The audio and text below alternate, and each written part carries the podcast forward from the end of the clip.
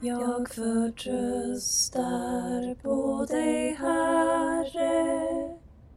Mina dagar ligger i din hand. Du säger jag gör något nytt. Det spirar redan, märker ni det inte? Kristus har besegrat döden. Hej och välkommen tillbaka till Be med oss nu efter påsk. Hoppas ni haft möjlighet att fira på något sätt om det har varit hemifrån eller kanske utomhus. I alla fall en glädje att få ha kommit ihåg och minnats Jesu dyrbara offer för oss nu över ja, hela förra påskveckan. Om ni missade det så la vi upp video, korta videoandakter på vår Facebook-sida så det kan ni hitta på EFS och Salt i Västsverige på Facebook.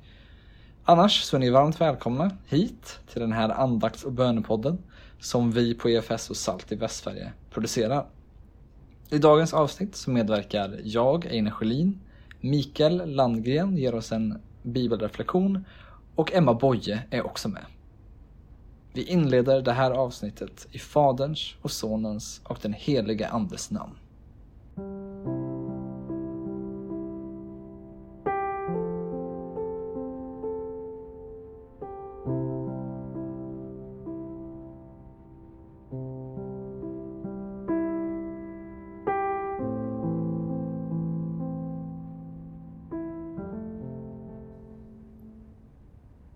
Vi läser från första Korintierbrevet 15. Om det nu förkunnas att Kristus har uppstått från de döda, hur kan då några bland er säga att det inte finns någon uppståndelse från de döda?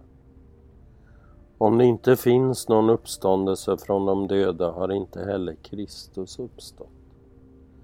Men om Kristus inte har uppstått ja då är vår förkunnelse tom och tom är också er tro.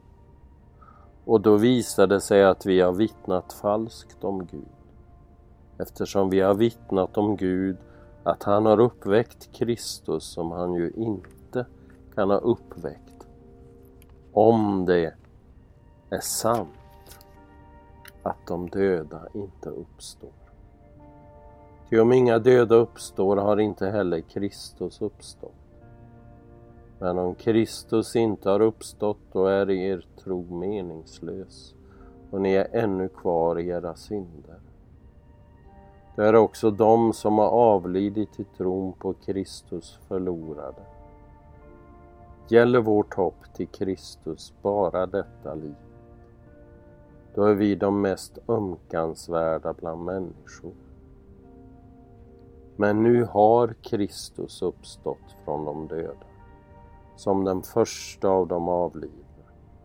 Ty eftersom döden kom genom en människa kommer också uppståndelsen från de döda genom en människa. Så lyder Herrens ord. Gud, vi tackar dig.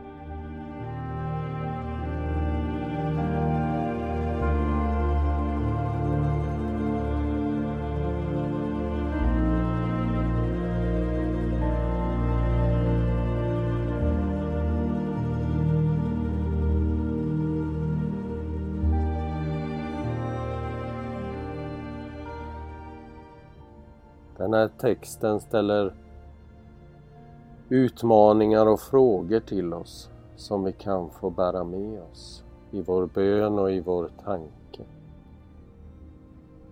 Och en fråga som aktualiseras genom texten är den här frågan Vad betyder Jesu uppståndelse för dig? Vad betyder det för dig själv att Jesus har uppstått? Stanna upp lite inför den frågan.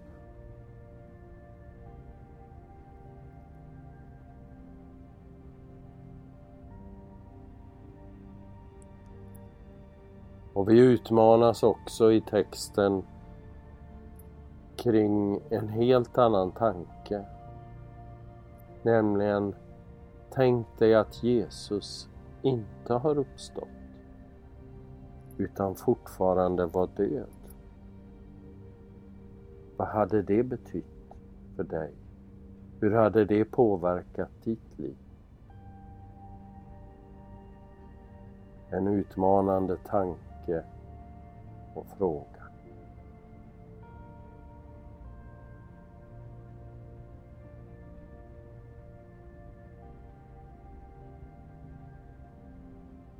Och för att sedan återvända till den här frågan kring Jesu uppståndelse och vad den betyder för dig så kan vi ta med oss två frågor till i vår bön. Nämligen Påverkar det dig hur du ser på livet att Jesus har uppstått? Och i så fall hur? Påverkar det dig hur du ser på andra? Hur du möter människor? Hur du agerar i ditt liv?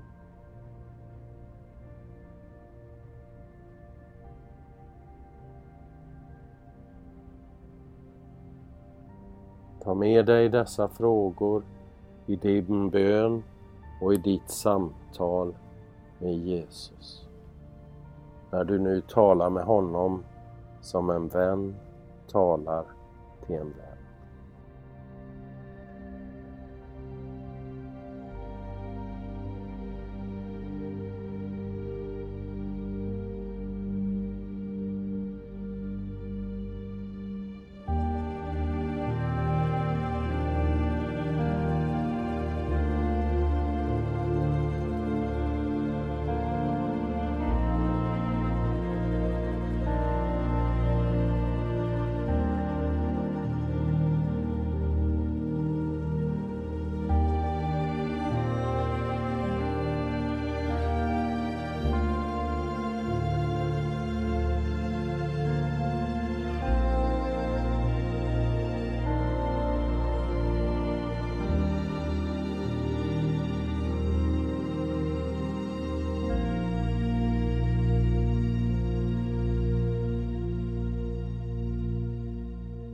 Låt oss ta en stund i tyst bön tillsammans. Vi ber för vår värld.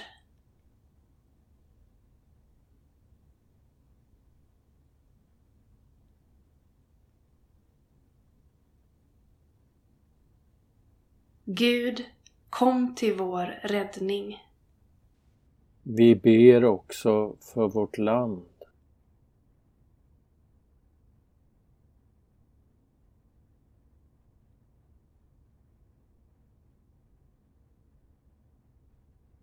Herre, hör vår bön.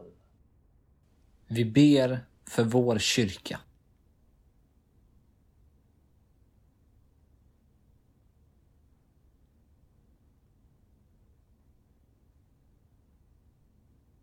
Herre, hör vår bön. Vi ber också för människor som lider nöd.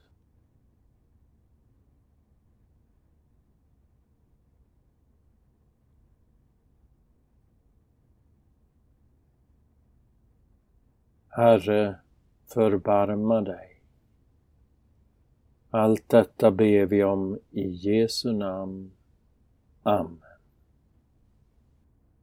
Låt oss be Herrens bön.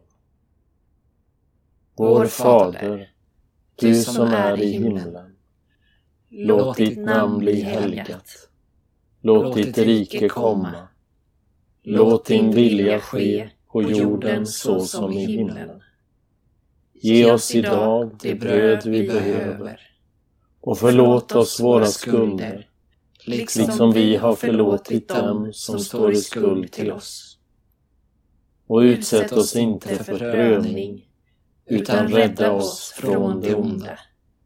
Ditt är riket, din är makten och äran i evighet.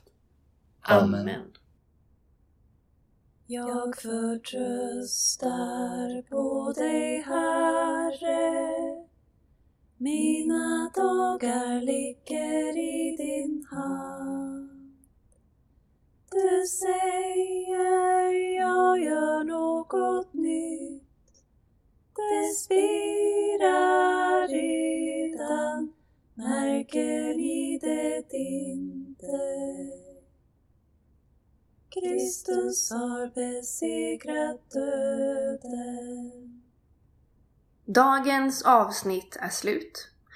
Det kommer ett nytt avsnitt av podden varje tisdag och torsdag. Vill du veta mer om EFS och Salt Västsverige så gå in på www.efsvast.se Facebook EFS och Salt i Västsverige. Allt gott och Guds frid över din dag.